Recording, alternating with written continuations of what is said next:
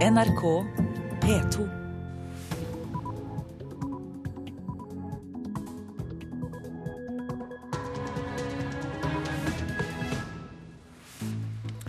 Vi er kommet fram til fredag 30. august. Nå klokka 6.30 har Nyhetsmorgen disse overskriftene. Storbritannia blir ikke med på et militært angrep mot Syria. Statsminister David Cameron fikk ikke støtte fra flertallet av de folkevalgte i Underhuset. The British Parliament, reflecting the views of the British people, does not want to see British military action. I get that, and the government will act accordingly. Obama vil handle i tråd med USAs interesser, uavhengig av britisk deltakelse, sier en talskvinne for Det hvite hus. Ikke bare lurt for samfunnet å kreve 15% egenkapital ved boligkjøp, mener mange økonomer. I ett perspektiv, eh, nemlig å dempe presset i boligmarkedet, eh, kan jeg nok kanskje si det. Men eh, på mange måter en usosial måte å gjøre det på. Avdelingsdirektør Dag Årnes i NHO. De Grønne henter støtte hos velgere som ikke har stemt tidligere, ifølge NRKs valgekspert. Og Partilederutspørringen den er altså i dag av Hanna Markussen fra Miljøpartiet De Grønne. Og det er her i Nyhetsmorgen ti minutter over sju. I studio i Nyhetsmorgen nå, Øystein Heggen. Storbritannia blir ikke med på et militært angrep mot Syria. Det ble klart seint i går kveld etter at statsminister David Cameron ikke fikk støtte fra et flertall i Underhuset. The eyes to the right, 272. The nose to the left, 285. Forslaget om en rask militærreaksjon mot Syria ble nedstemt med 13 stemmers overvekt i det britiske parlamentet sent i går kveld.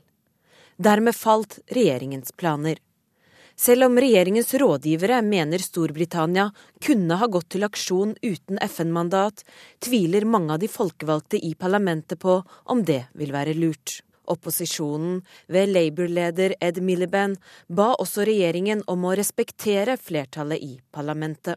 Mr. Speaker, on a point of order, there having been no motion passed by this House tonight, can the Prime Minister confirm to the House that he will not use the royal prerogative to order the UK to be part of military action, given the will of the House that has been expressed tonight, before there's been another vote in this House of Commons. Og statsminister David Cameron lovet å ikke sette seg over avstemningen i parlamentet. I can give that assurance. It is very clear tonight that the, while the House has not passed a motion, it is clear to me that the British Parliament, reflecting the views of the British people, does not want to see British military action. I get that, and the government will act accordingly. Storbritannias statsminister David Cameron i Underhuset i går kveld. Utenriksmedarbeider Guri Nordstrøm hadde laget dette innslaget. President Barack Obama har ikke uttalt seg offentlig etter det britiske parlamentet sa nei til å bruke britiske styrker i Syria. Men en talskvinne for det, for det nasjonale sikkerhetsrådet sier Obama vil ta en avgjørelse i tråd med USAs interesser, uavhengig av om britene er med. USA vil fortsette å rådføre seg med Storbritannia, men Obama vil handle i tråd med USAs interesser, sa pressetalskvinnen for Det nasjonale sikkerhetsrådet, Katin Hayden, til pressen i går kveld. Presidenten mener at land som bryter internasjonale regler når det gjelder kjemiske våpen, må stå til ansvar, la hun til.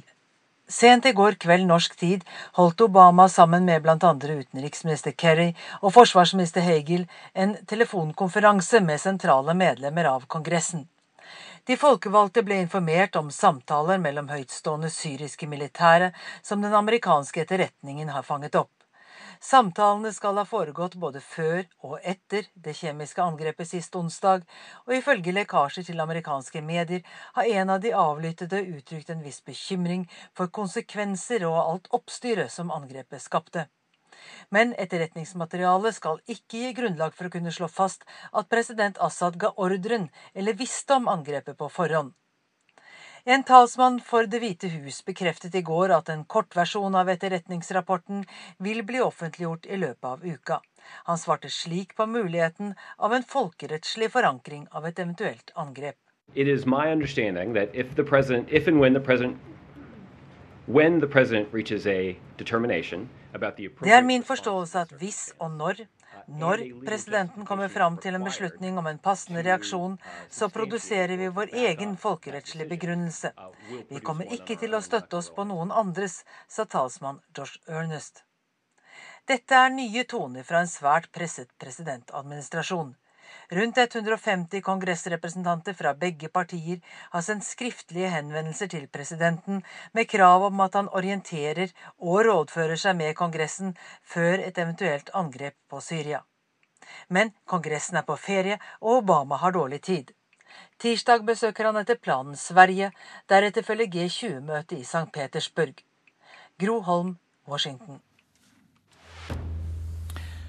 Det var lurt av regjeringen å øke kravet til egenkapital for lån til bolig, mener ti av de ledende økonomene her til lands. Men halvparten av de økonomene som er spurt, mener også at egenkapitalkravet er usosialt. Og russiske Tim Korsti og hans familie føler at de er taperne, som nye her i landet. Vi har ikke familie her. Vi har ikke foreldre som kan stille med egenkapital eller være garantister. Det kan vi ikke. Da må vi på egen hånd klare oss, og det er mange som sitter i vår situasjon. Med to skolebarn ønsker Tim Korsti og kona Marina stabilitet og egen bolig. Det er viktig i forhold til barna, de fortsetter på den skolen som de går nå. Og ja, stabilitet, det er det vi ønsker oss. Det russiske ekteparet i midten av 30-årene har faste jobber. De har litt på bok og tjener rundt 800 000 kroner i året. Men de får ikke lån likevel. De mangler egenkapital. Kravet er 15% Husbanken sier også nei til å hjelpe med lån, for de tjener for mye. Vi har for godt økonomi for å søke i Husbanken. Vi faller mellom to stoler, mener Tim Korsti. Vi betaler 15 000 måned for leilighet, og da er det 15 000 bortkastepenger. Vi sparer hans lønn, og så bor vi på min. Trist, men sånn er det. Sier Marina. Regjeringen økte egenkapitalkravet for å stagge kredittveksten og hindre gjeldskrise, blant annet. Og 10 av 15 ledende økonomer her i landet, også NHO-direktør Dag Årnes, mener det var lurt. I ett perspektiv, eh, nemlig å dempe presset i boligmarkedet, eh, kan jeg nok kanskje si det men eh, på mange måter en usosial måte å gjøre det på. Halvparten av økonomene i vårt panel mener regjeringens økning av egenkapitalkravet fra 10 til 15% er usosialt, til tross for at det kan være lurt økonomisk sett. Vi har et dilemma på dette området eh, med å dempe låneveksten, fordi vi vil helst ikke ha rentene for høyt. Da får vi dette dilemmaet i, i, sånne tider som vi har i Norge nå. Altså. Så dette må vi egentlig bare leve med? Vi må, vi må leve med det, men vi må uh, se på de litt underliggende årsakene til at det oppstår det presset i boligmarkedet som det har, har gjort. Nemlig at vi bygger rett og slett for lite. Altså. Sjeføkonom Jan Andreassen i Eika-gruppen mener egenkapitalkravet rammer både innvandrere og unge voksne unødvendig hardt. Det vi har gjort er å stramme til for den gruppen av mennesker i Norge som er uten egenkapital men som normalt ville ha fått lån fordi de har enten en god jobb, eller fordi de er ærlige eller rettskaffende. Og akkurat den gruppen der er det ingen grunn til at de skal bære byrden av å begrense Norges kredittvekst. Boligpolitikken er som skapt for rike pappagutter, påpeker sjeføkonom Andreassen. Aldri har pappas eh, lommebok vært så viktig som i dag. Og sånn skal det jo ikke være. Spesielt ikke når vi har en rød-grønn regjering. Og reportasjen den var laget av Hedvig Bjørgum, Linda Reinholdsen og Johan Settem. God morgen, Marianne Martinsen. God morgen. Du er medlem av finanskomiteen for Arbeiderpartiet, og da lurer jeg på om hva som er viktigst for Arbeiderpartiet. Strammere utenlandspolitikk til beste for norsk økonomi, selvfølgelig. Eller hensynet til de som ikke har nok egenkapital til å komme seg inn på boligmarkedet. Vi er nødt til å balansere. Og disse økonomene som uttaler seg, har helt grunnleggende rett i at vi står overfor et dilemma. For det er klart at hvis vi, hvis vi ikke begrenser utlånsveksten nok, så får vi stigende renter. Og er det noen ting som er usosialt, så er det i hvert fall stigende renter. For vi vet hvem det er som kommer til å ha størst problemer med å håndtere det. Og så er det jo ikke sånn at dette egenkapitalkravet er noe som vi har sittet i på et bakrom og kokt i opp på egen hånd for å være vanskelig med folk. Dette er eh, noe som Finanstilsynet anbefaler oss sterkt å gjøre. Eh, og det har bakgrunn i at gjelda har aldri vært høyere i norske husholdninger enn det den er nå. Og det bekymrer Finanstilsynet, og det bekymrer oss. For det gjør at vi er veldig sårbare hvis rentene skulle begynne å stige, hvis det skulle gå dårligere med norsk økonomi og folk får problemer med å betjene det her. Da er bankene et problem, da er vi et problem. Men hva er da løsningen for å hjelpe de som faller mellom to stoler, som eh, er for eh, rike, da? Til å få hjelp fra Husbanken, og for fattige til å nå egenkapitalkravet? Mm. Jeg tror vi bare må stappe fingrene i jorda og innse at uh, vi kommer ikke til å være der at alle som ønsker å eie sin egen bolig, får mulighet til det i løpet av sin neste år. Fordi problemet, Det grunnleggende problemet her er ikke tilgang på lån. Det grunnleggende problemet er at vi har for få boliger. Sånn at Det enkle, men også litt vanskelige svaret er at vi må bygge mer rett og slett, for å få prisene ned. Eh, og så ser vi at egenkapitalkravet gjør at barrieren blir veldig høy for veldig mange som skal inn for første gang. Eh, og som svar på det så har vi bl.a. økt husbankrammene i flere runder. Det har vi tenkt til å fortsette å gjøre. Vi går til valg på det. Eh, som gjør at flere vil få tilgang til dette startlånet. Det jeg også har lyst til å si, er at bankene har mulighet til å fravike det kravet om 15% hvis folk har betjeningsevne og hvis man stiller med ekstra sikkerhet. Da kan man gjøre en vurdering på det. Men, men det grunnleggende svaret er at vi må bygge mer, mer boliger. Men eh, hva med dette forslaget her, da? At eh, dere da, mens dere venter på at det blir bygd boliger, for det tar jo tid, setter inn enda mer omfattende tiltak enn dette startlånet i Husbanken. Kan det være mm. andre tiltak som kan være aktuelle inntil vi får flere boliger? Ja, absolutt. Eh, og vi går til valg på flere typer tiltak. For det første så sier vi at vi vil ha mer ordninger som leie for eie. Det betyr at du går inn som leietager, men en del av leia di går til å betale ned på boligen, sånn at du faktisk har en eierandel i boligen når du flytter videre og kan ta med deg egenkapital ut. Det er en god løsning som kan hjelpe flere inn. Så er det en del som ikke har betjeningsevne, eh, som eh, sliter med å spare opp nok egenkapital, og som betaler fryktelig høy husleie. Sånn at det å få flere ikke-kommersielle utleieboliger som kan leie ut rimelig, sånn at folk faktisk har mulighet til å spare opp underveis mens de leier, det er, eh, det er også viktig. Og så må vi få fart på denne boligbygginga. Der må kommunene ta større ansvar. Den byen som vi sitter i nå, Oslo, har vært fryktelig passive, har regulert altfor få tomter. For det å få tilgang til tomter er jo helt avgjørende for å få bygd nok. Spaden i jorda for boligbygging, åpenbart eh, kanskje den viktigste løsningen. Hjertelig takk, Marianne Martinsen, for at du eh, kom tidlig på morgenen hit til eh, Nyhetsmorgen. Du er da medlem av finanskomiteen for Arbeiderpartiet. Da skal jeg se litt på hva avisen har på forsidene. Skjematabbe ga tollkrav på 64 millioner kroner til blomsterkjeden Mester Grønn, skriver Dagens Næringsliv. Roser fra Kenya og Tanzania er tollfrie, men under omlasting i Tyskland ble blomstene feilmerket. Toll- og avgiftsdirektoratet bøyer likevel ikke unna. Mester Grønn vil ta saken til Høyesterett om Menneskerettighetsdomstolen om nødvendig. Fire år etter at Aker sykehus ble nedlagt, sier helseministeren at det må bygges nye sykehus i Oslo. Til Dagsavisen sier Jonas Gahr Støre at befolkningen øker så mye at han åpner for å bygge ut Aker, eventuelt bygge helt nye sykehus. Krav om fagbrev for murere og andre i byggfaget skal demme opp for ufaglærte utlendinger, skriver Klassekampen. Arbeiderpartiets generalsekretær Raymond Johansen sier dramatiske endringer i byggenæringen bør føre til krav om fagbrev. I Tyskland er hver fjerde arbeidstaker lavtlønnet, skriver Aftenposten. Forbundskansler Angela Merkel skryter av lav arbeidsledighet, men mange tyskere tjener mindre enn 80 kroner timen. Familieverdier er på frammarsj, kan vi lese i Vårt Land. Nordmenn verdsetter stabile samliv og ekteskap, viser statistikk. Samlivsterapeut sier det er rart Kristelig Folkeparti ikke har klart å utnytte dette politisk. Bondeboikott av Olav Thons hoteller er oppslaget i Nasjonen. Småbrukarlagets leder Merete Furuberg ber organisasjonen vurdere boikott av Thon-hotellene etter at han støttet Fremskrittspartiet. Elbilen Teslas luksusmodell sponses med 850 000 kroner fra staten, skriver Bergens Tidende. Støtteordningen er et blindspor, sier klimaekspert, som mener moms- og avgiftsfritak øker bilkjøringen. Knusende kritikk av eldreomsorgen i Trondheim, skriver Adresseavisen. Brudd på lover, regler og bystyrevedtak er avdekket av kommunens kontrollkomité. VG skriver om årsakene til at det ble fattet mistanke mot politimannen som er drapssiktet i forbindelse med at en kvinne ble funnet drept under Breiviksbrua natt til 3. august. Familiens gripende farvel er Dagbladets oppslag i forbindelse med bisettelsen av Rolf Wesenlund i går. Nå går vi inn i sportens verden for de rutinerte landslagsspillerne i ishockey. Morten Ask og Alexander Bonsaksen står uten klubb kort tid før sesongstart. Nå trener de med Vålerenga, men håper på en proffkontrakt i utlandet.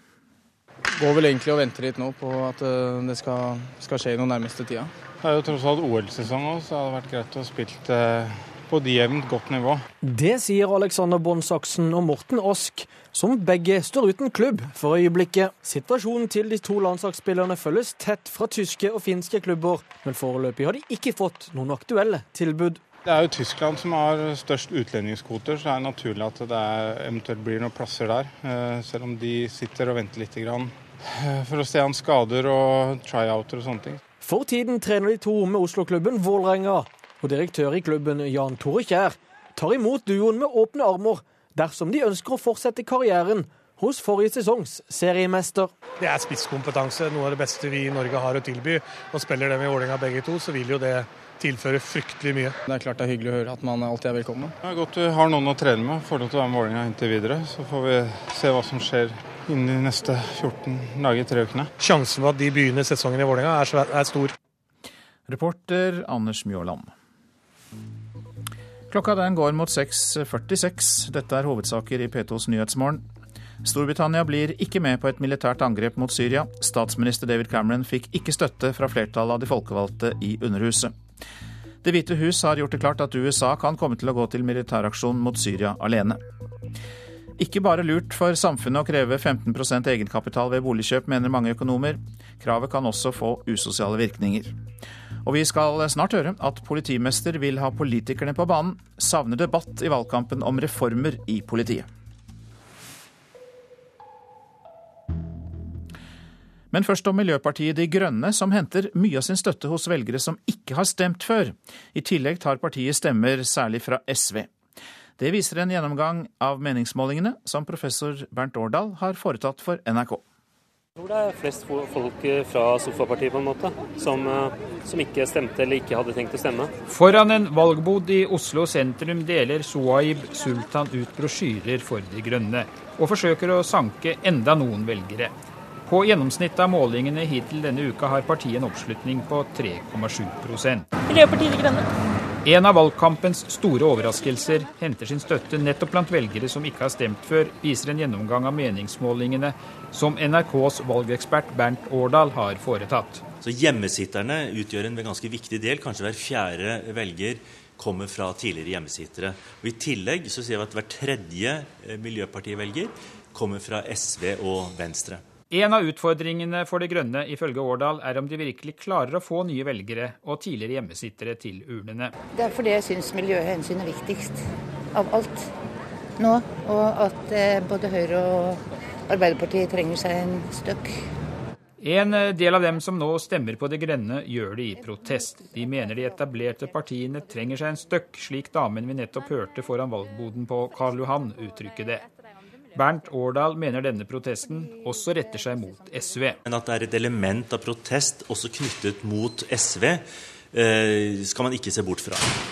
Når både SV, De Grønne og også Venstre slåss om de samme velgerne, kan resultatet bli at de tre miljøpartiene utkonkurrerer hverandre i stedet for at det blir flere miljøpolitikere på Stortinget. Altså, I og med at Miljøpartiet henter så mange velgere, fra, særlig fra SV, men også fra Venstre, så virker det som at de konkurrerer i veldig stor grad om de samme velgerne, og slik sett kan ødelegge for hverandre. Reportere her, det var Per Arne Bjerke og Eirin Årdal. Miljøpartiet De Grønne kan gjøre det godt hos velgerne. Vårt mål er å klare sperregrensa. Men mulige samarbeidspartnere gir Hanna Markussen en kald skulder. Det viktigste skillet nå går ikke lenger mellom rødt og blått, det går mellom grønt og grått. Partilederutspørringen i dag klokka ti over sju på NRK P2, nrk.no og NRK1. I sommer ble en kritisk rapport om politiet lagt fram. Politianalyseutvalget kom med mange forslag til endringer. Men politimester Rita Kilvær i Telemark er misfornøyd med at politikerne ikke drøfter en så viktig sak i valgkampen. Jeg savner en skikkelig debatt om hva slags eh, politi vi skal ha eh, både i Telemark eh, og i Norge. Vi er i Bø i Telemark. Politimester Rita Kilvær har samlet lensmennene fra Øvre Telemark til et politifagmøte. Analysen av norsk politi som kom i sommer, står ikke på møtekartet men det snakkes om reformen. I den heter det bl.a. at politiet skal fokusere mer på kjerneoppgavene, at 27 politidistrikt skal kuttes til seks, og at bemanningen må økes. Men i valgkampen har det vært taust om dette, sier politimesteren i Telemark. Hun vil vite hva politikerne mener om reformen politiet står foran. I den er det foreslått ganske store endringer eh, i hvordan politiet skal være skrudd sammen og hva slags oppgaver vi skal ha. Eh, og for oss som jobber i politiet, og som nå er veldig klare for forandringer, og veldig klare for å kunne trå til og gi publikum de tjenestene de har krav på, så ønsker vi at eh, dette skal komme på kartet, det skal diskuteres, og så man kan vite hva samfunnet ønsker og hva politikerne ønsker. På møtet var også lensmann Torodd Aase. Ja, jeg er liksom overraska over at vi er, jeg føler meg også nesten glemt. Det har liksom ikke vært den store, åpne diskusjonen om uh, hvordan vi skal få det i framtida. Justiskomiteens leder Per Sandberg fra Fremskrittspartiet er langt på vei enig med politiet, der han er på valgkampturné i Telemark. Men jeg har eh, reist nå i fire og en halv uke og snakket med veldig mye politifolk. Lensmannskontoret besøkte et nå oppå på Nome her. Eh, de vet nesten ingenting for, for, foran seg. Forutsigbarheten er helt borte. Denne regjeringa tør ikke å ta debatten i forhold til politianalysen, struktur, systemer innenfor politiet. Det er en stor reform som må på plass. Det er en enorm debatt som vil ha store konsekvenser for sammensetning av politiet vårt framover. Terje Lien Aasland fra Arbeiderpartiet har sittet åtte år på Stortinget for Telemark. Han tror ikke velgerne er så opptatt av politireformen. Jeg tror det er eh, kanskje andre eh, saker som har eh, overskygga akkurat det. Jeg tror folk er opptatt av arbeid, helse, omsorg, skole. Og det er de som er, det som er de sentrale temaene i valgkampen, og det tror jeg folk er også veldig opptatt av. Så du kommer ikke til å ta store initiativ for å snakke mer om politianalysen og det som skjer nå? Nei, ikke nå. Altså, nå avventer vi høringssvarene. Det tror jeg er veldig klokt. Det gjør vi jo i alle andre sammenhenger. Oppfordringa er at eh, politiet har vært utsatt for så mye evalueringer og sterk kritikk eh, gjennom kommisjonsrapporten etter 22.07 og andre rapporter. Nå er det på tide med handling. Jeg vil vite hva folk mener, jeg vil vite hva politikerne mener, sånn at vi kan få til en nødvendig endring i norsk politi. Den oppfordringen kom fra politimester i Telemark, Rita Kilvær. Reporter Roald Marker. Lørdag er det offisiell åpning av den aller første internasjonale triennalen for samtidskunst i Bergen. Arrangementet, som kalles Bergen Assembly, skal arrangeres hvert tredje år da, og skal bli kunstens svar på festspillene, håper politikerne i byen. Uh, welcome to the press, to all journalists, all writers, all artists,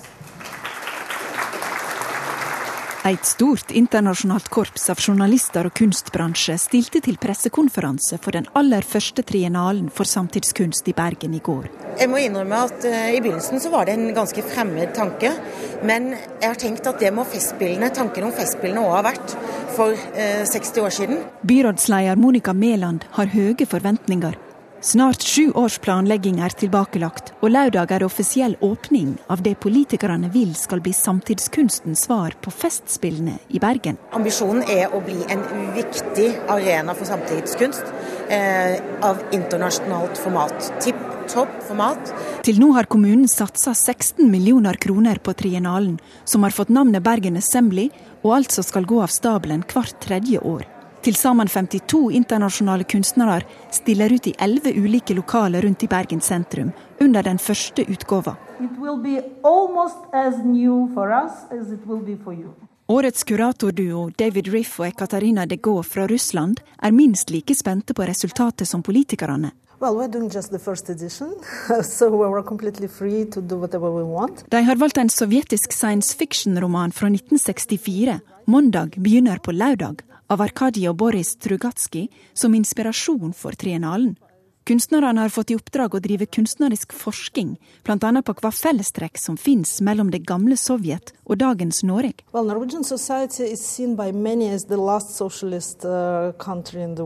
Norge blir ofte kalt den siste sosialiststaten, og her er det mye interessant å utforske kring temaet demokrati sier Katarina de Gaulle. Fenomenet kunstbiennale, eller triennale som det har blitt i Bergen, er et veksende fenomen i kunstverdenen. Spørsmålet er trengs det i Bergen og Norge? Det er et veldig godt spørsmål. Erlend Høyersten, direktør for Kode, kunstmuseet i Bergen, er ikke helt overtydd ennå. Det er ikke noe poeng å få byen til å blomstre hvert tredje år hvis man har mulighet for å få byen til å blomstre hvert eneste år året igjennom.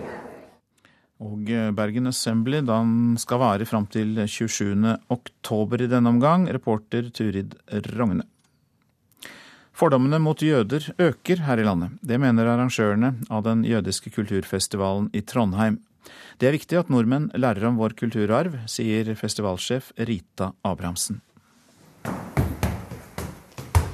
Rita Abrahamsen, arrangør av den jødiske kulturfestivalen, viser vei opp trappa til verdens nordligste synagoge. Det har bodd jøder i Norge i ca. 150 år. Og vi ønsker å være en del av det kulturelle mangfoldet i Norge. Og da er det veldig viktig at storsamfunnet vet om oss. For tredje år på rad arrangeres Norges eneste jødiske kulturfestival i Trondheim, med mål om å synliggjøre kulturen. Nå er kanskje tiden inne, også fordi at vi ser dette ja, dette jeg holdt på å si mangehodet til trollet, er antisemittismen, som vokser opp igjen, og konspirasjonsteoriene som lever i beste velgående, da bør vi eh, ta et tak og kanskje vise i hvert fall da Trondheims befolkning om hva vi er.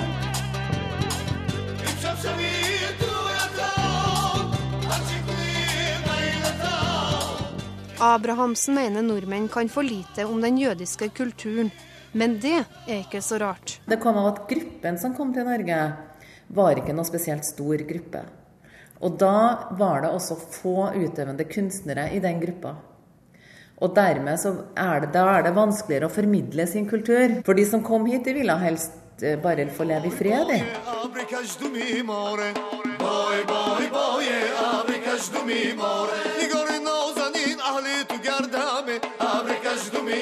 På festivalen får man oppleve jødisk kultur, mat, foredrag og musikk. I år, som i de foregående årene, har ordfører i Trondheim Rita Ottervik åpna den jødiske kulturfestivalen. Og Ottervik håper at festivalen blir en tradisjon i Trondheim. Jeg er opptatt av toleranse, og at eh, vi eh, skal arbeide for åpenhet og det å ha både kunnskap og en oppfatning av eh, ulikheter i samfunnet vårt som noe genuint positivt. Og jeg tenker at det, En slik festival er med på å bidra til det, samtidig som jeg tror også at den er med på å ufarliggjøre og kanskje slå gjennom myter. Reporter, det var Kaja Kristin Næss. Og som vanlig omtrent på denne tida, værvarselet. Fjell i Sør-Norge, skyet eller delvis skyet, stort sett opphold. Østland og Telemark skyet eller delvis skyet, men enkelte regnbyger vesentlig sør for Lillehammer. I kveld oppholdsvær de fleste steder på Østlandet og Telemark. Agder skyet eller, eller delvis skyet, litt regn av og til. Vestlandet sør for Stad opp i liten kuling på kysten nord for Boknafjorden. Skyet eller delvis skyet, litt regn av og til. Seint i kveld regn fra vest. Så går vi til Møre og Romsdal og Trøndelag. Stort sett pent vær. I kveld regn på Sunnmøre. Helgeland og Saltfjellet, der er det en klar og kort beskjed. Pent vær. Salten, Ofoten, Lofoten og Vesterålen. Det blir oppholdsvær, perioder med sol. Først kommer sola i sør. Troms enkelte regnbyger først på dagen, seinere oppholdsvær, først i sør. Så var det Vest-Finnmark med vidda. Vestlig oppe i eh, stiv kuling på kysten, utover ettermiddagen frisk bris. Regnbyger i indre strøk. Eh, men eh, det kan også bli oppholdsvær og noe sol. Etter hvert blir det minkende byggeaktivitet, og seint i kveld oppholdsvær i fjordstrøkene. Det var altså Vest-Finnmark. Øst-Finnmark dreining til nordvestlig liten kuling utsatte steder, oppe i stiv kuling på kysten i nord. Enkelte regnbyger vesentlig på kysten. I sør kan det bli lange perioder med sol. Nordensjøland på Spitsbergen oppholdsvær og en del sol. Temperaturer som ble målt klokka fem. Svalbard fem, Kirkenes og Varde ni. Alta ti, Tromsø-Langnes ni, Bodø ti. Brønnøysund og Trondheim-Værnes fem, Molde sju, Bergen og Stavanger 13. Kristiansand-Kjevik 14, Gardermoen 13, Lillehammer 11. Røros har vi ikke fått inn, men Oslo har vi. Det var 14 grader der klokka fem i natt. NRK P2.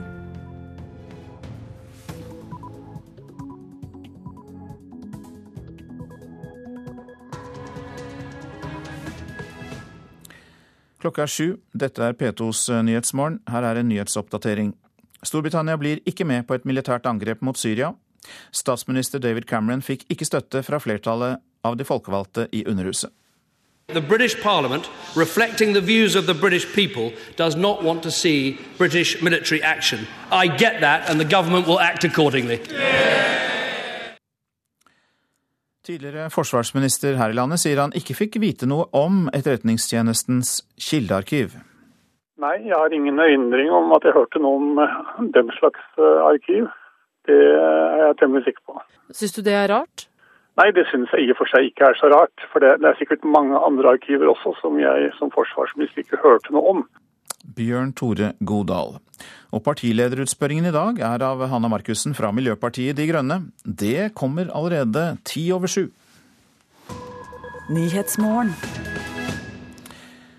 Storbritannia blir ikke med på et militært angrep mot Syria, etter at statsminister David Cameron altså ikke fikk noe flertall for dette i Underhuset. Det falt med 13 stemmers overvekt i går kveld. Storbritannia-korrespondent Espen Aas, vi kaller på deg. Hvor ventet var et slikt utfall? Altså, dette var jo overraskende fordi at dette var egentlig ikke den avgjørende avstemningen. Eh, fordi at bl.a. Labour eh, ga klar beskjed til eh, Cameron og, hans regjering om at de ville ikke gi noen endelig fullmakt til militæraksjon før etter at FNs våpeninspektør hadde levert deres rapport. Så det store slaget jo, e, skulle egentlig stå over helgen på mandag, men så kom altså denne overraskende motstanden allerede sendt i går kveld rett før midnatt norsk tid. Men den liberalkonservative regjeringen i Storbritannia har det faktisk flertall i parlamentet, så hva var det som skjedde?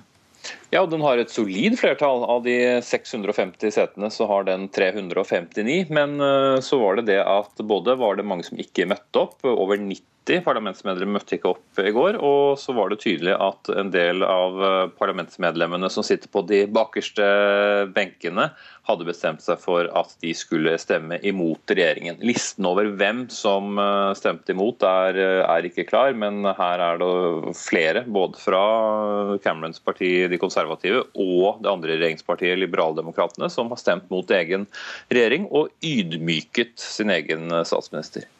Vi holder kontakten med deg, Espen Aas, men vi snur mot eh, Midtøsten og korrespondent Sigurd Falkenberg Mikkelsen, som er i Libanon. Er det kommet noen eh, reaksjoner på avstemningen eh, i Midtøsten? Det kom såpass sent at det ikke kommet noen offisielle reaksjoner ennå. Men det er klart at her følges jo utviklingen med argusøyne. Og Det er jo på mange måter også et maktesløst Midtøsten som følger med på hva Europa og Vesten gjør. Eh, de venter på et eh, angrep og følger da med på hvordan maktspillet eh, mellom de vestlige maktene utspiller seg. Og jeg tror nok dagens, eller nattens vedtak vil bli møtt med, med lettelse i de, i, blant de partiene som støtter Bashar al-Assad og hans regime. Hvor sannsynlig Mikkelsen, er det da at det blir en militæraksjon mot Syria?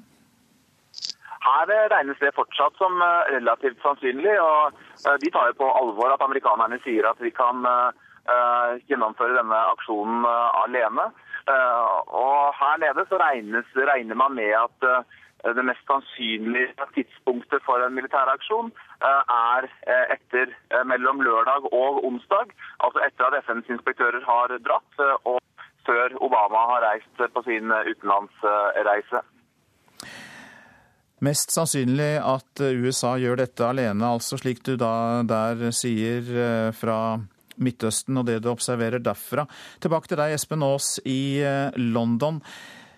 Kan dette overraskende vedtaket som gikk mot David Cameron få noen politiske følger for ham og regjeringen? Eh, han kommer nok ikke til å gå av, selv om det var faktisk eh, en del fra opposisjonen som ropte det eh, da avstemningsresultatet var klart, og buet og sa at han måtte gå av. Men det har vært ventet at Cameron skal gjøre noen endringer i sin administrasjon og sin regjering. Og det kan nok hende at f.eks. innpiskeren i eget parti kan bli byttet ut etter dette på større, sett med litt større øyne, så betyr det også at eh, forholdet mellom Storbritannia og USA nå er svekket. USA har alltid kunnet stole på at Storbritannia har fulgt dem i store utenrikspolitiske saker. Denne gangen så blir Storbritannia sittende helt på sidelinjen og se på hva som enn skjer i eh, Syria. Mange takk for at dere var med oss. Espen Aas fra London og Sigurd Falkenberg Mikkelsen fra Beirut. Tidligere forsvarsminister Bjørn Tore Godal fra Arbeiderpartiet sier han aldri fikk vite noe om Etterretningstjenestens kildearkiv, som NRK fortalte om i går. Godal var forsvarsminister i Arbeiderpartiregjeringen i år 2010 og 2001. 2000 og 2001. Nei, jeg har ingen erindring om at jeg hørte noe om eh, den slags eh, arkiv. Det er jeg temmelig sikker på. Etterretningstjenesten sitt såkalla fagarkiv blir nå sjekka av Stortingets kontrollutvalg. De undersøker om 400 mapper med personopplysninger er et lovlig arkiv over kilder for etterretninga, eller om tjenesta har gått lenger, slik anonyme kilder påstår, og har kartlagt helseopplysninger, etnisitet og familieforhold også for folk som ikke gjør en jobb for E-tjenesta. Et annet sentralt spørsmål er om arkivet har vært oppretta utenfor politisk kontroll. Forsvarsminister Anne Grete Strøm Eriksen vil ikke si hva hun visste om arkivet i går. Og Når fikk du vite om dette fagarkivet? Jo, men, eh, altså det som er viktig, eh, det er jo å vite hva Men Bjørn Tore Godal var forsvarsminister i Jens Stoltenbergs første regjering for tolv år siden. Han svarer på NRKs spørsmål. Du visste ikke om det her eh, arkivet vi har eh... Nei, jeg, jeg, hørte ikke noe spesielt om, eh, om dette arkivet. Det gjorde jeg ikke. Men hvis det skulle vise seg at eh, det stemmer at de har henta inn mer eh, altså sensitiv informasjon om, eh, om, kilder som da ikke har vært klar over det, ville du da ha forventet å få vite noe om det som forsvarsminister? Ja, Hvis det går utover regelverket gitt av Stortinget, så er det klart at det er kritikkverdig. Og i så fall så må det ryddes opp i det. Og det er det naturlig å ta opp både med statsråden som ansvarlig til enhver tid, og med Stortingets organer hvis det er behov for det. At arkivet eksisterte også på Godals tid, er det ingen tvil om, sier frilansjournalist Kjetil Stormark. Jeg har kildeopplysninger som uforvikelig ufravikelig bekrefter arkivets eksistens uh, før år 2000. Uh, at det har vært i bruk på et tidspunkt før det òg, i tillegg. Om andre forsvarsministre har visst, kan en ikke utelukke. Stortingspolitikere NRK har snakka med, er så langt svært usikre på hva opplysninger som ligger i Etterretningsarkivet, og mener derfor det ikke trenger være kritikkverdig om forsvarsministrene ikke har vært informert. Men Senterpartiets Lars Peder Brekk sier dette.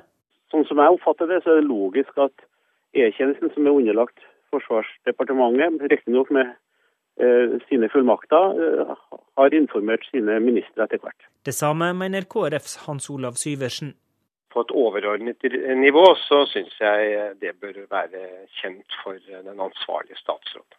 Venstre-leder Trine Skei Grande mener det kan være grunner til at en forsvarsminister burde vært informert. Hvis f.eks. E-tjenesten føler at de ikke har handlingsrom nok til å kunne gjøre jobben sin, at de ikke har lov til å opprette et arkiv som de mener er viktig for å, for å få gjort jobben sin, ja, da må de sørge for å få mandatet til å gjøre det før de setter i gang arkivet. Og da må man ta opp det med statsråden, ikke bare lage arkivet på sida av, av, det som man har lov til å gjøre.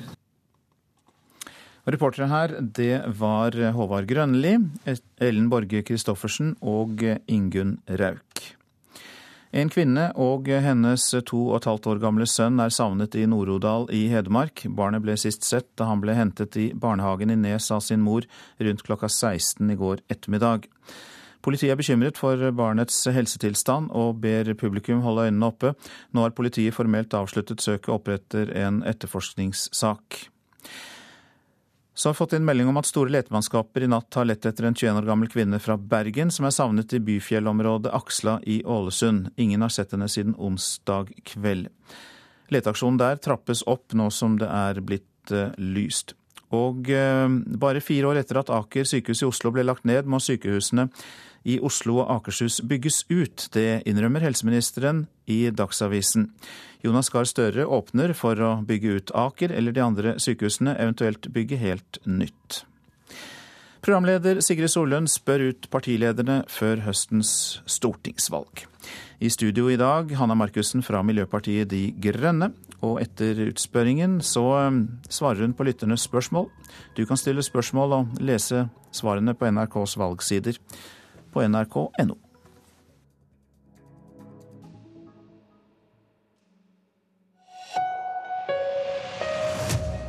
Velkommen til partilederutspørring, Hanna Markussen fra Miljøpartiet De Grønne. Tusen takk for det. Skjønt i deres tilfelle blir det litt feil å kalle det partilederutspørring, for du er nasjonal talsperson. Hvorfor har dere ikke en tradisjonell partileder? Det er en tradisjon som ganske mange grønne partier har, bl.a. Miljøpartiet i Sverige og, og De grønne i Tyskland.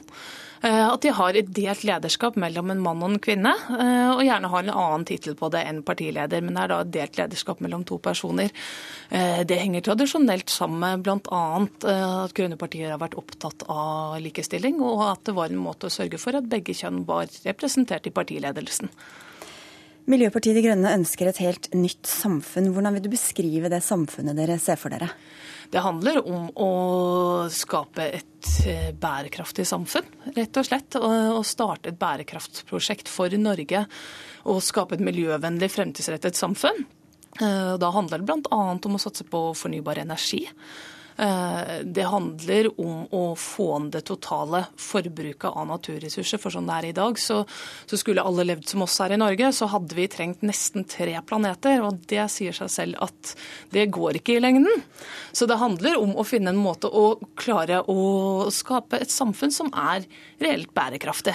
Vi skal komme tilbake til klima- og miljøpolitikken, mm som er det overordna for dere. Men eh, dere vil ikke bare være en ensaksparti, og dere har også andre punkter i programmet deres som skiller seg veldig ut fra andre partiers.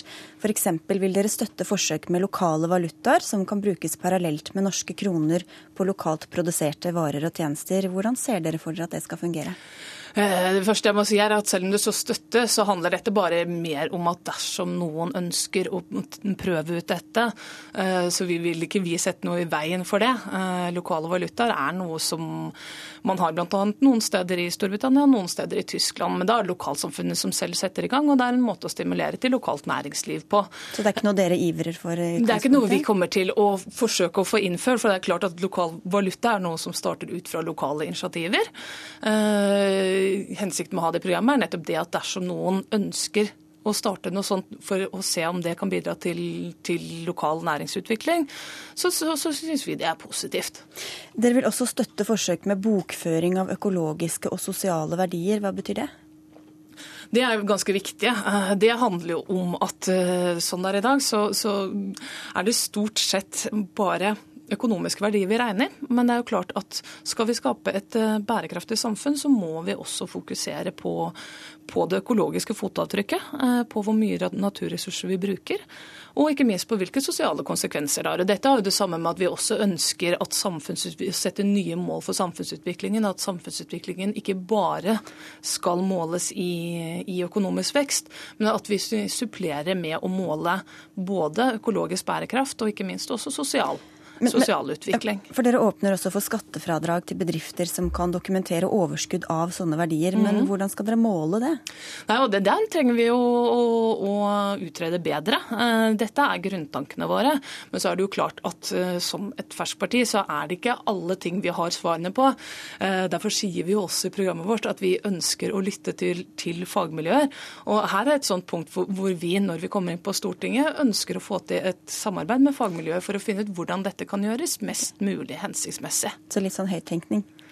ja, men det er, tror jeg er nødvendig. Altså, det skal vi klare å gjøre Norge til et bærekraftig samfunn, så må vi ha alle sammen med oss. Og da må vi jo eh, involvere også fagmiljøer på de ulike områdene for å klare. Men det viktige er at vi må stake ut en kurs og bestemme oss. Og det er jo det vi går for, en kursendring i norsk klima- og miljøpolitikk. Ja. Noe annet dere også skiller ut på, er en mer åpen holdning til alternativ medisin, der dere vil ha mer samarbeid mellom helsevesenet og seriøse retninger innen alternativ medisin.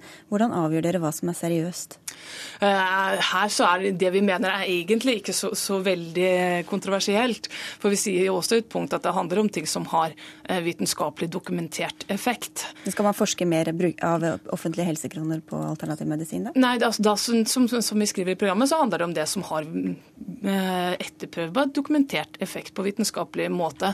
Men det vi også syns er vesentlig, er jo at det er en del naturpreparater, altså urtemedisin, Eh, som har dokumentert effekt. Og vi er litt bekymret for at eh, dersom ikke eksempelvis fastleger er klar over at en person også bruker urtepreparater, så kan man få en uheldig medikamentblanding. Så når vi snakker om bedre samarbeid, så er det mer for å, å, å hindre den type uheldig sammenblanding av medikamenter, f.eks. Det soleklart viktigste for dere i Miljøpartiet De Grønne er altså klima- og miljøpolitikken.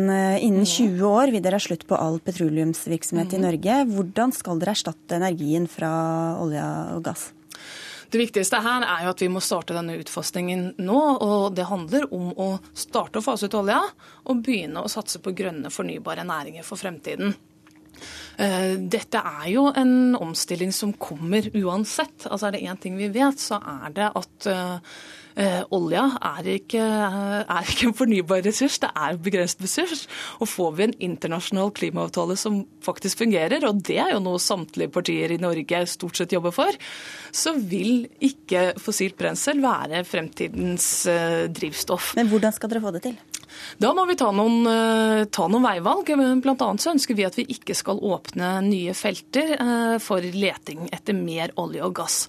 For, for som det internasjonale energibyrået sier, så trenger vi å la minst to tredjedeler av de kjente fossile reservene blir liggende. Eh, og da gir det ikke mening å investere masse i å lete etter enda mer. Og så ser vi jo til store land som Tyskland f.eks. Der har de allerede bestemt seg for å fase ut både kull og kjernekraft og satse på fornybar energi i stedet. Men for å komme inn på det, så vil dere altså ha en storsatsing der. Samtidig mm. åpner dere for at utbyggere av nye kraftverk må betale en kompensasjon som kan benyttes til restaurering av ødelagt natur andre steder. Hvordan skal det da bli lønnsomt å bygge ut denne kraften? Eh, vi tror det skal bli lønnsomt å bygge ut kraften, og vi ønsker også å bruke en del midler bl.a. til forskning og utvikling og skape gunstige rammevilkår. Men det er helt klart også at lokalsamfunnene bl.a. må sitte igjen med noe. Dette er jo noe vi har når det gjelder vannkraftutbygging i dag f.eks. Så er man sikret at lokalsamfunnene hvor det bygges ut, sitter igjen med en del av gevinsten. Og Det tror vi også er viktig for å bygge ut fornybar energi. At, ikke, at det også kommer de lokalsamfunnene til gode som, som eh, der hvor man bygger ut. Eh, så det er en helt rimelig ting. og Vi har såpass mye andre punkter som også vil stimulere til, til utbygging, så jeg er ikke bekymret for det. At, eh, at det skal, komme, skal gjøre at det ikke blir lønnsomt. Det tror jeg ikke. Men hvordan skal dere klare å bygge ut fornybar energi, samtidig som dere vil verne vassdrag og også mye annen natur? Eh, her kommer vi inn på en klassisk, eh, klassisk diskusjon som går internt i miljøbevegelsen og internt i vårt parti også. Eh, og Der er det jo en avveining hele tiden. For det er noen steder så passer det å bygge ut, og andre steder gjør det ikke det. Når det gjelder, gjelder vannkraft, så er det mye å hente på å oppgradere de vannkraftverkene vi har i dag, så de blir mer effektive. Når det gjelder vindkraft, så, så vil vi jobbe for at vi får en overordnet nasjonal plan som sier hvor det er greit å bygge ut, og hvor vi ikke skal bygge ut. Som så man nettopp klarer å ta disse hensynene i et overordnet perspektiv. Ja, for Dere syns ikke det var greit å bygge ut på Fosen i Trøndelag, der det er planlagt en storstilt eh, vindkraftutbygging. Men hva slags natur, eller hvor er det greit å bygge ut, da, med tanke på den enorme satsingen dere faktisk vil ha? Ja, er, altså, nå må jeg presisere, der er det Fylkeslaget vårt har tatt stilling til Fosen. Partiet nasjonalt har ikke konkludert ennå. Men det er klart at der var det mye Nei, men det skal det gjøre. Men det er klart at prosessen der har ikke vært god. Eh, og det har også vært ganske vektige innvendinger som ikke har blitt hørt. Eh, og det er ikke positivt for å få til en god utbygging. Men Du sa dette er eh, diskusjoner som går internt i deres ja, parti også. Ja, men så er det f.eks. Eh, en god del noen steder for, i Rogaland f.eks. hvor man har bygget ut i kulturlandskap. Det å bygge ut i tidligere industriområder. Det er mange muligheter, men det viktigste er at man har en helhetlig plan på forhånd.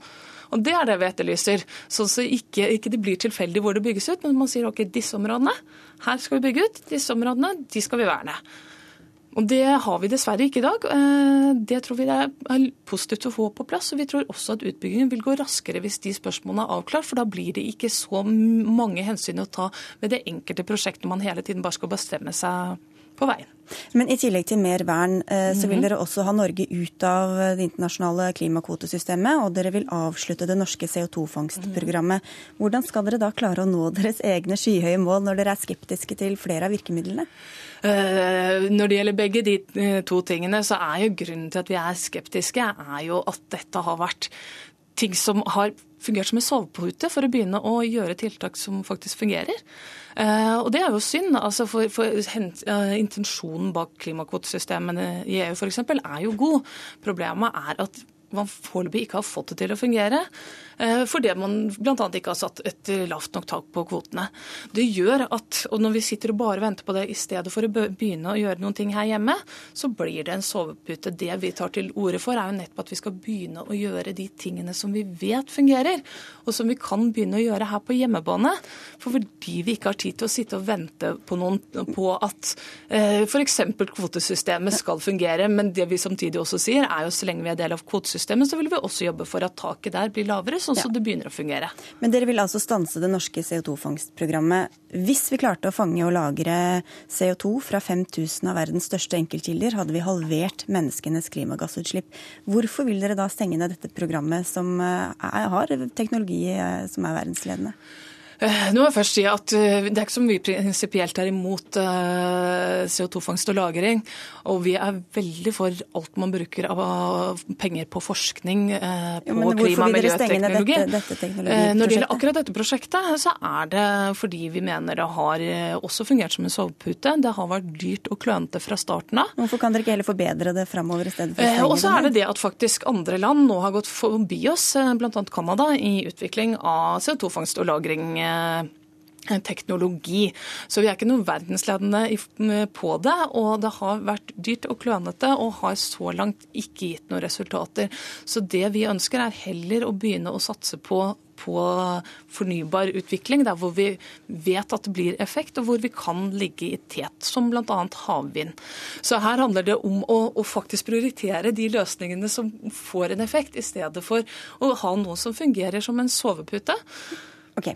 Hvor mye av liv, eller legger dere opp til at hver enkelt av oss skal forsake eller legge om livene våre med deres politikk? Eh, jeg er ikke så glad i å bruke ordet forsake, for jeg tror det å, å skape et miljøvennlig samfunn så, som også tar hensyn til å, ta vare på det livsgrunnlaget som, som, våre barn, den generasjonen som er unge i dag, skal leve av, det tror ikke jeg handler om å forsake. Men Vil dere ha økt, økte skatter og avgifter eh, på miljøuvennlig atferd? Vi ønsker å bruke skattesystemet til å vri forbruket. Det, Hva skal det bli dyrere å kjøpe eller bruke? Øh, å forurense blir dyrere. For, for hver enkelt? Men samtidig så ønsker vi å fjerne det på ting som er positive. Uh, Men hva skal det bli dyrere å kjøpe? Å kjøre bensinbil f.eks. Altså det å bruke bensinbil i områder hvor vi har uh, hvor vi har eh, gode alternativer, som i byregionene f.eks., så kan man bruke bomsystemet for at det skal bli dyrere å kjøre. For der har man gode kollektivalternativer. Hva med forbruksvarer og sånt? Forbruksvarer, så er det jo, Der er det flere ting vi ønsker å gjøre. og Noe av det går jo på kvalitet i produkter. og det er Når vi snakker om å fokusere på livskvalitet i stedet for å fokusere på, på økt forbruk, så handler det jo også om å fokusere på kvalitet istedenfor kvantitet. Eh, og Da ønsker vi bl.a. å gjøre, ha, ha, sette strengere krav krav til produktkvaliteten, så, så ting varer lenger. Blant annet så ønsker vi å fjerne momsen på det å reparere, sånn at det igjen skal lønne seg å ta vare på de tingene man har. Eh, og så ønsker vi f.eks. å fjerne momsen på økologiske varer som er gode. Men du vil heller snakke om de gode, gode virkemidlene, skjønner jeg. Men nettopp dette med, med levestandard og hvorvidt man må gå ned i levestandard, er noe mange andre partier har eh, reagert på. Mm. Dere har sagt at dere kan samarbeide med alle unntatt Frp, mm. men Høyre-leder Erna Solberg virket ikke videre interessert i noe samarbeid da jeg spurte henne om det da hun var her i utspørring i forrige uke med det programmet de går til valg på, så tror jeg det er vanskelig å finne en felles plattform. Vi oppfatter dette som et ganske tydelig venstresideparti. Egentlig et litt sånn 70-tallsparti med nullvekstfilosofi og ja, ikke, særlig, ikke særlig opptatt av å sikre økonomisk bærekraft for barna våre. Hanna Markussen, hva synes du om det Solberg sier her? Nei, Jeg må jo le litt, da. Synes, altså, dette, dette, hele, altså, ja, dette, at vi skal tilbake til 70- og 80-tallet, det er jo bare tull. Og hvis man har sett hvordan våre søsterpartier i f.eks. Sverige og Finland og, og, Tyskland, hva slags politikk de fører, så, så, vet man at det er snakk om et moderne, grønt, høyteknologisk samfunn. Mens det er samtidig et samfunn som fokuserer mer på livskvalitet, og ikke minst eh, har et verdisyn som gjør at vi syns det er viktigere å også sørge for, eh, for ansvarlig for, forbruk av ressurser med tanke på neste generasjon, i stedet for at vi skal drive et overforbruk av ressurser nå. Og det, det er egentlig en tenkning som jeg hadde forventet mer av i Høyre. For, for sånn det er nå, så er det uansvarlig å tro at vi kan bare fortsette på samme måte, og at det skal gå greit for de som, når de som er barn i dag, blir voksne. Men Hva sier det om den andre politikken deres utover klimabiten, når dere kan si til velgerne at dere egentlig kan samarbeide med hvem som helst? Eh, det vi har sagt til velgerne, er for det første at vi ikke kan samarbeide Nei, med hvem som helst. Vi, vi, har utelukket Frp fordi det ligger altfor langt fra oss. Eh, og så har vi sagt at vi, vi, vil se hva vi kan få tilbake av konkret klima- og miljøpolitikk. Og så det, det, er det som er det ja, viktigste, da? Ja, og det, det er helt klart vår viktigste sak. Og dette handler om å ta vare på livsgrunnlaget. Og det vi ser da, er jo at dessverre, slags... dessverre så er det en sak som ikke prioriteres høyt nok, og som forsvinner i blokkpolitikken. Ja, men det har vi, har vært innom mm. klimabiten, men hva, hva altså, hvordan kan velgerne vite hvordan dere kommer til å stemme i alle andre uh, tilfeller hvis dere får folk inn på Stortinget, også på områder hvor politikken deres kanskje ikke er helt utmeslet ennå? Eh, da må vi nesten si som, som, andre politiske partier, så må man jo f.eks. gå inn og lese partiprogrammet vårt. Og det håper jeg jo at Som du selv sier er uferdig på flere områder? Jeg sa ikke at det er uferdig på flere områder. Altså, vi har retninger på flere områder, men ingen partier har jo den totale løsningen. Det, og det er vi ærlige på. Vi er ærlige på det. Vil dere fristille eh, stortingsrepresentantene deres i f.eks. verdisaker, hvis dere kommer inn på Stortinget? Vi har et partiprogram på, på alle alle store områder som sier jo selvfølgelig noe om veivalget er. Eh, det er et partiprogram som våre stortingskandidater er bundet av, eh, på lik linje med andre stortingskandidater fra andre politiske partier. Så, så, så dersom folk er litt usikre, så vil jeg rett og slett oppfordre til å gå inn på nettsiden vår og lese partiprogrammet. For da, da, da kommer det veldig klart fram hvor vi står i, i de ulike andre større spørsmålene. I Dagsnytt i dag hører vi at dere har fått mange sofa- og protestvelgere. Hvor mye tror du at oppslutningen deres handler om protest, og ikke nødvendigvis enighet blant dem som um, kanskje har gått inn på nettsiden og sett på programmet deres? Det kommer litt an på hva man legger i protestvelgere. Eh, jeg tror det er ganske mange som, som opplever at eh, klima- og miljøspørsmål ikke settes høyt nok på agendaen. Dette er tross alt snakk om vår tids viktigste spørsmål. Og, og at man da protesterer og ønsker noe nytt, det syns jeg er eh, ikke noe rart i det. Og så er det jo blant det at vi, hvis vi klarer å mobilisere folk til å som har sittet hjemme tidligere til nå å gå og velge, så er jo det kjempeflott. Er det aktuelt for dere å gå inn i regjering da, hvis dere får en stor stortingsgruppe? Eh, det, da skal det mye til. Det, altså det må, hvis, hvis det er en regjering som er villig til å være med på en kursendring. En regjering som virkelig legger opp til at nå skal vi sette i gang et prosjekt for et bærekraftig Norge. Nå skal vi ha en kursendring i klima- og miljøpolitikken. Så vil vi selvsagt vurdere det. Men hvis det bare er småflikking, så, så er det selvsagt uaktuelt.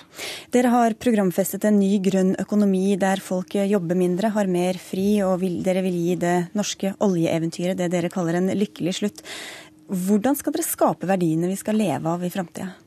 Vi trenger bl.a. veldig mye innovasjon, eh, og det er noe som også partiprogrammet vårt legger opp til. Eh, er det helt klart For en grønn fremtid så trenger vi innovasjon. Eh, så vi ønsker bl.a. å fjerne arbeidsgiveravgiften for små bedrifter og bedrifter i oppstartsfasen. Vi ønsker å sidestille trygde- og skatteordningene for selvstendig næringsdrivende og og arbeidstakere. Så vi har flere tiltak nettopp for å stimulere til innovasjon. Mm. Så det er en av tingene vi trenger mer av i samfunnet. Eh, og så trenger vi bl.a. satse stort sett på fornybar energi, og det kan jo være en ny eh, eksportnæring for Norge. Dere vil også prøve ut en ordning der en fast ansatt kan ta fri i opptil ett år og få penger for det. Hvis det finnes en arbeidsløs som kan være vikar, hvem skal lønne, lønne deg om du finner en arbeidsløs som kan ta jobben din i et år? Det dette, dette, er ett av mange tiltak vi foreslår som handler både om at vi, eh, vi trenger å, å forsøke nye måter for å få flest mulig jobb. Eh, og det kan også bidra til igjen å stimulere til innovasjon. Dette var et, noe som ble forsøkt ut litt i Sverige, eh, men så ble det regjeringsskifte, og da forsvant ordningen igjen. Men hvor de faktisk hadde en god del gode resultater. Men det her handler jo først og fremst om at vi er villige til å tenke nytt. Både for å få mer innovasjon og for å få flere i arbeid.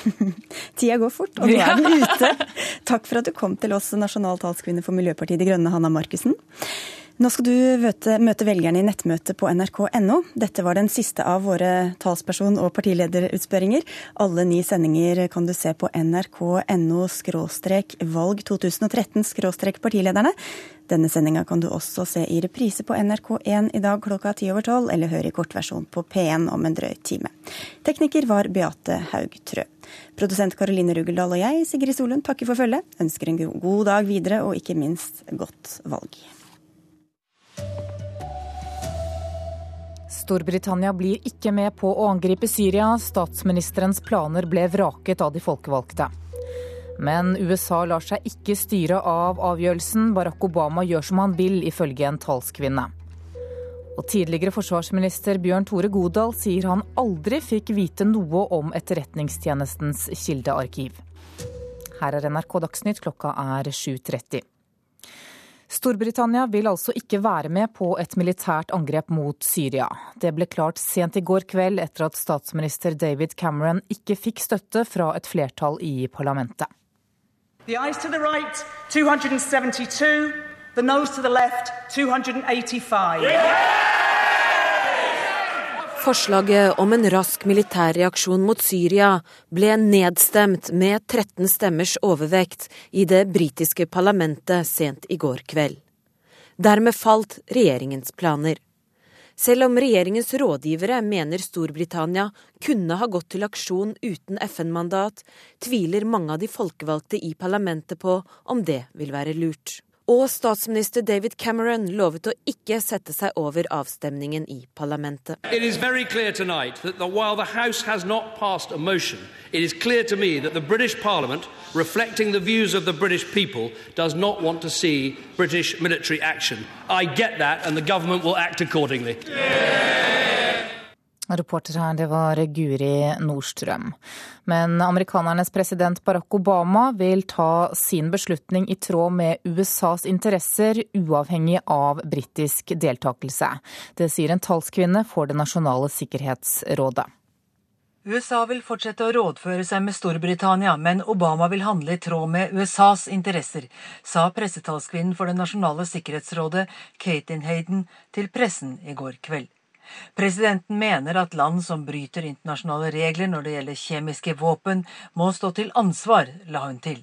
En talsmann for Det hvite hus svarte slik på muligheten av en folkerettslig forankring av et eventuelt angrep. It is my understanding that if the president, if and when the president When the president reaches a determination about the Det er min forståelse at hvis og når når presidenten kommer fram til en beslutning om en passende reaksjon, så produserer vi vår egen folkerettslige begrunnelse. Vi kommer ikke til å støtte oss på noen andres, sa talsmann Josh Ernest. Gro Holm, Washington. Over til deg, Storbritannia-korrespondent Espen Aas. Hvordan er reaksjonene i Storbritannia på avgjørelsen i det britiske parlamentet? Dette var jo en total ydmykelse for en statsminister som både avbrøt egen ferie og avbrøt ferien for parlamentsmedlemmene for å ha et haste- og krisemøte for å få igangsatt en militæraksjon mot Syria så tidlig som mulig. Og så i halv tolv-tiden i går kveld norsk tid så ble han stående der og måtte si at uh, vi skal overhodet ikke være med på noen militæraksjon eh, mot uh, Syria. Ja, hva betyr dette for britenes videre rolle i forholdet til Syria? Det gjorde Cameron klart i går, at nå har de folkevalgte talt. Vi skal ikke være en del av dette, selv om de både kunne latt være å følge parlamentet, fordi regjeringen eh, kan juridisk sett eh, handle helt på egen hånd. Og som vi hørte også i innslaget, har de sagt at de kunne handle uten et FN-mandat i ryggen. Men siden han ikke klarte å få flertall, til tross for at regjeringen har eh, flest antall seter i parlamentet, så har han valgt å la det være på denne måten, og må la USA eh, gå videre på egen hånd. Noe som er veldig uvanlig, i og med at Storbritannia nesten alltid følger eh, USA når det gjelder internasjonale operasjoner. Takk skal du ha, Espen Aas i London. Tidligere forsvarsminister Bjørn Tore Godal fra Arbeiderpartiet sier han aldri fikk vite noe om Etterretningstjenestens kildearkiv, som NRK og Dagbladet fortalte om i går. Godal var forsvarsminister i Arbeiderpartiregjeringen i år 2000 og 2001. Nei, jeg har ingen erindring om at jeg hørte noe om den slags eh, arkiv. Det er jeg temmelig sikker på. Etterretningstjenesta sitt såkalla fagarkiv blir nå sjekka av Stortingets kontrollutvalg. De undersøker om 400 mapper med personopplysninger er et lovlig arkiv over kilder for etterretninga, eller om tjenesta har gått lenger, slik anonyme kilder påstår, og har kartlagt helseopplysninger, etnisitet og familieforhold også for folk som ikke gjør en jobb for E-tjenesta. Et annet sentralt spørsmål er om arkivet har vært oppretta utenfor politisk kontroll. Forsvarsminister Anne Grete Strøm Eriksen vil ikke si hva hun visste om arkivet i går. Men Bjørn Tore Godal, forsvarsminister i Jens Stoltenbergs første regjering, svarer på NRKs spørsmål. Jeg hørte ikke noe spesielt om, eh, om dette arkivet, det gjorde jeg ikke. Så det syns jeg kanskje ikke er så merkverdig i seg selv. At arkivet eksisterte også på Godals tid, er det ingen tvil om, sier frilansjournalist Kjetil Stormark. Jeg har kildeopplysninger som uforvikelig ufravikelig bekrefter arkivets eksistens før år 2000. Godal sier at hvis arkivet inneholdt sensitiv informasjon om folk som ikke visste om det, så burde han som forsvarsminister fått beskjed. Ja, Hvis det går utover regelverket gitt av Stortinget, så er det klart at det er kritikkverdig. Og i så fall så må det ryddes opp i det. Og det er det naturlig å ta opp både med statsråden som ansvarlig til enhver tid, og med Stortingets organer hvis det er behov for det. Reportere var Håvard Grønli, Ellen Borge Christoffersen og Ingunn Rauk. Det økte kravet til egenkapital for boliglån er usosialt og rammer de nye på boligmarkedet for hardt. Det mener flere økonomer. Men flertallet av økonomene vi har spurt, mener likevel at egenkapitalkravet er bra for samfunnsøkonomien. Russiske Tim Korsti og familien hans føler at de er taperne som nye her i landet. Vi har ikke familie her. Vi er ikke foreldre som kan stille med egenkapital eller være garantister. Det kan vi ikke. Da må vi på egen hånd klare oss, og det er mange som sitter i vår situasjon. Med to skolebarn ønsker Tim Korsti og kona Marina stabilitet og egen bolig. Det er viktig i forhold til barna. De fortsetter på den skolen som de går nå. Og ja, stabilitet, det er det vi ønsker oss. Det russiske ekteparet i midten av 30-årene har faste jobber. De har litt på bok og tjener rundt 800 000 kroner i året. Men de får ikke lån likevel. De mangler egenkapital. Husbanken sier også nei til å hjelpe med lån, for de tjener for mye. Vi har for godt økonomi for å søke i Husbanken. Regjeringen økte egenkapitalkravet for å stagge kredittveksten og hindre gjeldskrise, blant annet. Og 10 av 15 ledende økonomer her i landet, også NHO-direktør Dag Årnes, mener det var lurt. I ett perspektiv, eh, nemlig å dempe presset i boligmarkedet, eh, kan jeg nok kanskje si det. Men eh, på mange måter en usosial måte å gjøre det på. Sjeføkonom Jan Andreassen i Eika-gruppen mener egenkapitalkravet rammer både innvandrere og unge voksne unødvendig hardt. Aldri har pappas lommebok vært så viktig som i dag. Og sånn skal det jo ikke være, spesielt ikke når vi har en rød-grønn regjering. Reportere var Hedvig Bjørgum, Linda Reinholdsen og Johan Settem. Miljøpartiet De Grønne henter mye av sin støtte hos velgere som ikke har stemt før, og i tillegg så tar partiet mange stemmer fra SV. Det viser en gjennomgang av meningsmålingene som professor Bernt Årdal har gjort for NRK. Jeg tror det er flest folk fra sofapartiet på en måte, som, eh, som, ikke stemte eller ikke hadde tenkt å stemme. Foran en valgbod i Oslo sentrum deler Soaib Sultan ut brosjyrer for De grønne, og forsøker å sanke enda noen velgere. På gjennomsnittet av målingene hittil denne uka har partiet en oppslutning på 3,7% Så Hjemmesitterne utgjør en ganske viktig del. Kanskje hver fjerde velger kommer fra tidligere hjemmesittere. Og I tillegg så sier vi at hver tredje eh, miljøpartivelger kommer fra SV og Venstre. Det er fordi jeg syns miljøhensyn er viktigst av alt. Og at eh, både Høyre og Arbeiderpartiet trenger seg en støkk. Reportere var Per Arne Bjerke og Eirin Årdal. Så fotball. Både Molde og Tromsø tapte sine kvalifiseringskamper til Europaligaen sammenlagt i går kveld. Men fortsatt er det håp. Molde kan vinne den siste plassen i gruppespillet i loddtrekning, mens Tromsø kan gå videre dersom kampfiksingsdommen mot Besiktas blir stående. I går kveld kunne det virke som at det hele var over før moroa egentlig hadde begynt. For etter 3-2 og 5-0 sammenlagt mot både Tromsø og Molde-spillerne innse at europaeventyret var over. Det er veldig surt å røyke ut. Men som en ren eurobonus-jackpot har lagene fortsatt en sjanse til å nå gruppespillet i Europaligaen. Tromsø får i dag vite om kampfiksingsdommen og utestengelsen til Besiktas blir stående. Vi får avvente. Det er en sak mellom Uefa og, og Besiktas. Så får vi se hva, hva uttalelsen som kommer derfra. For TIL-direktør Vegard Berg Johansen visste sent i går fortsatt ikke hva som blir utfallet, men sikkert er det i hvert fall at guttene fortsatt øyne håp om videre spill i Europa. Skulle vi få plassen, så klart det tar vi imot med glede. Det gjør nok også Molde, som kan ta seg videre på Uefas loddtrekning om den siste plassen i gruppespillet. Det sa reporter Kristine Norvik Skeide. Ansvarlig for nyhetssendingene denne morgenen heter Ulf Tannes Fjell. Teknisk ansvarlig Hanne Lunås og her i studio Anne Jetlund Hansen. P2s eh, Nyhetsmorgen skal til USA, der en adopsjonssak har provosert urbefolkningen. Utfordret farsrollen og påvist uklarheter i lovverket. Formelt sett heter saken Adoptivforeldre mot pikebarn, men i mediene omtales den som Baby Veronica. Denne reportasjen er laget av Joar Hoel Larsen. Mamma!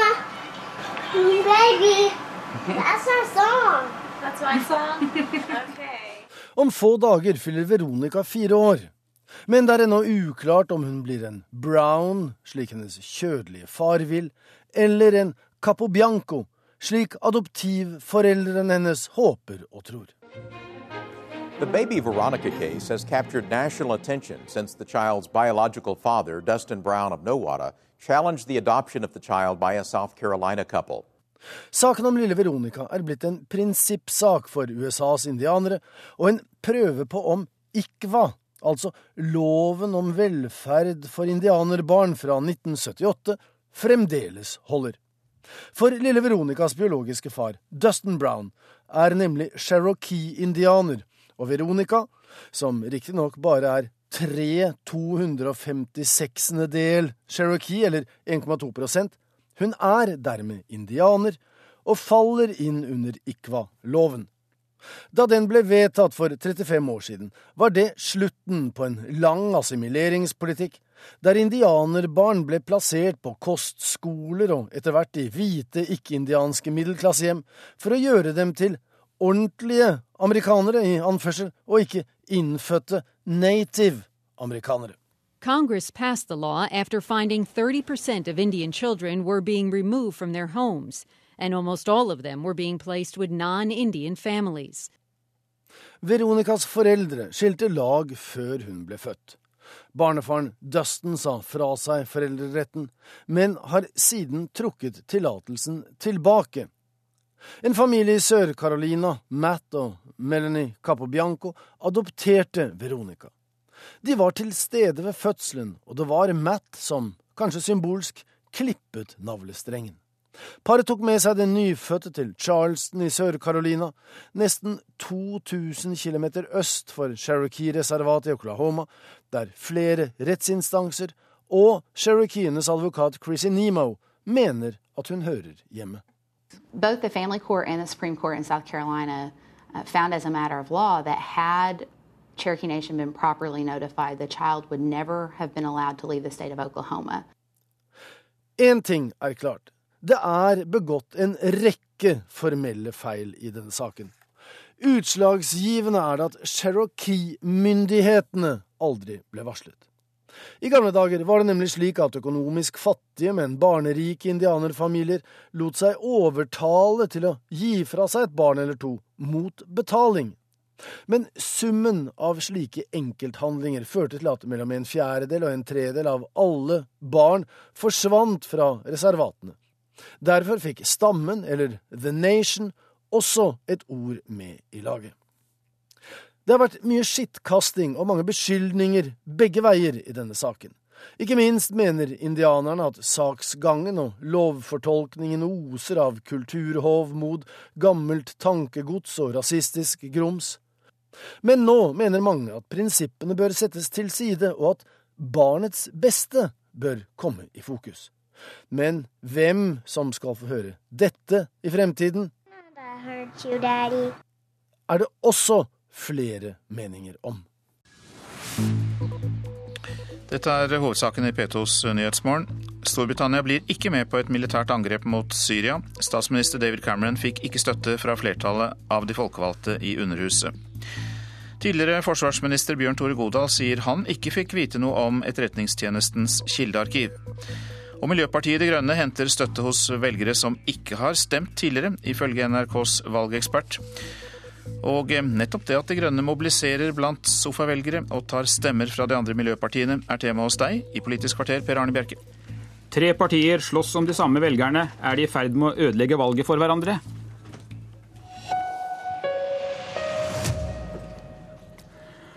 Akershus er ett av fylkene der eh, kampen mellom de tre miljøpartiene kommer klarest frem. Flere målinger viser at SV, Venstre og De Grønne konkurrerer om de samme mandatene. Miljøvernminister Bård Vegar Solhjell, SVs førstekandidat i Akershus.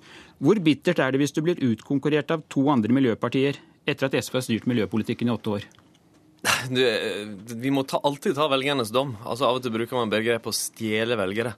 Men partier eier ikke velgere. Vi kan kanskje fortjene deres tillit ved neste valg, hvis vi har gode verdier og gjør det riktige. Så ja, jeg går til valg på SVs rød-grønne program, og så får vi se hvordan det går. Vi kommer eh, straks tilbake til deg, men først professor ved Universitetet i Oslo og NRKs valgekspert Bernt Årdal. Som vi hørte i nyhetene tidligere i morges, så har du gått igjennom bakgrunnstallene for eh, flere målinger. Hvem er det som ti dager før valget har mest vind i seilene av De grønne, Venstre og SV? Det er helt åpenbart at det er Venstre som har mer eh, fart på seg. Særlig den siste uken har det begynt å gå oppover. Og Det kan være at vi ser noe av det lignende av det vi så i 2005. Fordi Vi ser bl.a. at de har et eh, bra tilsig fra Høyre. Det har jo vært et vekslingsforhold mellom dem tidligere. Hvis vi ser da spesielt på De Grønne, som jo er en eh, nykommer i denne sammenheng, hvor henter de stemmene sine fra? Altså, De henter jo stemmene en god del fra hverandre. En tredjedel av Miljøpartiets velgere, sånn som du nå har sett på de siste målingene, kommer da fra Venstre og SV. Og Det er en relativt betydelig andel.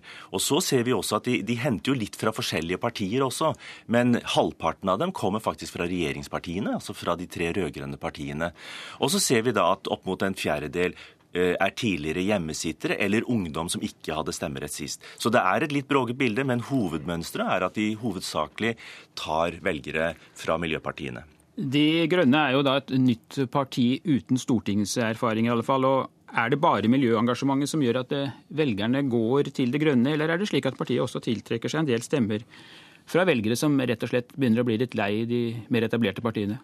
Altså, nettopp fordi at det er så mange av dem som har stemt på de rød-grønne partiene tidligere, så er det nok rimelig å se det som en, en, en, form for protest, eller at man ønsker et alternativ. Og for mange velgere, og det er vel kanskje også SVs problem, så oppfatter de vel Miljøpartiet De Grønne som et litt ufarlig alternativ på venstresiden. Slik at man på en måte kan markere en, en viss misnøye, uh, uten at det nødvendigvis kan tas som inntekt for at vi har en veldig sterk miljøbølge. fordi hvis vi ser den samlede oppslutning om Venstre, SV og Miljøpartiet, så er ikke den vesentlig større enn det vi har sett tidligere for SV og Venstre. Så det du sier er at vi har ikke noen miljøbølge, miljøbølge men vi har flere miljøpartier? Altså, Vi kan ikke utelukke at vi har en, en miljøbølge, men vi så det jo også ved, ved, forrige stortingsvalg at det var ganske mange velgere som satte klima og miljø ganske høyt på, på dagsorden, men velgerne spredte seg ganske mye mellom partiene. Takk skal du ha, professor Bernt eh, Årdal. Så skal vi spørre Abid Raja, førstekandidat for eh, Venstre i Akershus. Hvorfor tror du at vi får en bedre miljøpolitikk ved å fjerne Bård Vegar Solhjell som miljøvernminister? Nei, Det er ikke slik at uh, Bård Vegar Solhjell er utfordringen. Uh, jeg liker Bård Vegar Solhjell veldig godt, og han er en veldig bra mann. Men er problemet er med denne regjeringen, som har sviktet på veldig mange områder. Og det er det tror jeg er en av grunnene til at veldig mange vurderer Venstre som et, eh, som et parti når man vil skifte regjeringa. Og det er ikke bare fordi vi har blitt kåret som en av de tre partiene som er best på miljø, men det er også fordi hvis man eh, For vi mener at det er ikke bare mulig å ta klimautslippene eh, og tenke at det er nok. Vi er i tillegg blitt kåret av næringslivets eh, hovedorganisasjon som det beste partiet på næringslivspolitikk, og best på skatt. Og Hvis du skal klare å lykkes med klima, å få kutte klimautslippene, så må du både ta det ved å redusere oljeutvinningen, men du må også tilrettelegge for ny næring. Og Det tror jeg er en av årsakene til at Venstre stiger. At man ser en kombinasjon av at vi er gode på skole, på næring, på miljø og på mange andre områder. Du skal straks få lov å svare Petter etter Solhjell. Men først til tredjemann her. Øyvind Solum, førstekandidat for De Grønne i Akershus. Hvem mener du er best egnet til å styre Miljøverndepartementet av Venstre og SV? Så Vi mener egentlig at både SV og Venstre er gode partier. Eh, og Sånn sett så er jo vårt håp at både vi alle tre kommer inn fra Akershus, og vi ønsker oss også sterke grønne partier på begge sider. Men likevel så er det jo slik at eh, når man leste regjeringens perspektivmelding og oljemelding, så syns vi at den egentlig bar preg av manglende perspektiver. Eh, at det er en oljepolitikk, det er en samfunnsretning som ikke er bærekraftig i lange løp. Vi mener jo at hvis man ser dette i litt lengre perspektiv, med de økende forskjellene og med de også miljøutfordringene som følger med det, så er de i ferd med å undergrave velferden istedenfor å legge til rette for det. Derfor mener vi at det må en radikal endring av hele tanken om muligheten for økonomisk vekst. Og der har verken SV eller Venstre egentlig veldig gode løsninger i praksis. Eh, Solhjell, er problemet ditt egentlig at eh, du er ganske enig med disse to andre som sitter her, men så får du ikke gjennomslag hos storebror Arbeiderpartiet? Jo, jeg har fått gjort veldig mye, og SV har det. Men det er riktig at begge de som sitter ved siden av meg, Venstre og MDG, har mye av den samme miljøpolitikken som SV har, selv om det er forskjeller. F.eks. For er det viktige klimatiltak MDG er mot. Men det egentlige problemet er to andre ting. Venstres problem er at de åpner opp for at vi kan få en regjering der Høyre og Fremskrittspartiet styrer Norge. Senest i dag sier Trine Skei Grande, Venstres leder, det i Aftenposten. Slipper vi klimafornekterne i Venstre inn, nei, Frp inn, så tror jeg det er åpenbart er negativt. MDG sitt problem er at de ikke vil velge side, og sier at de kan slippe til en regjering med Erna Solberg i spissen. Og jeg er jo den oppfatning at miljø og rettferdig fordeling, solidaritet, henger sammen. At miljø, hvis man syns det er viktig, er mot privatisering for uh, at vi skal ha en sterk offentlig sektor, da bør man ikke slippe til Erna Solberg til å lede Norge. Og så er det viktige forskjeller på andre politikkområder mellom SV og MDG.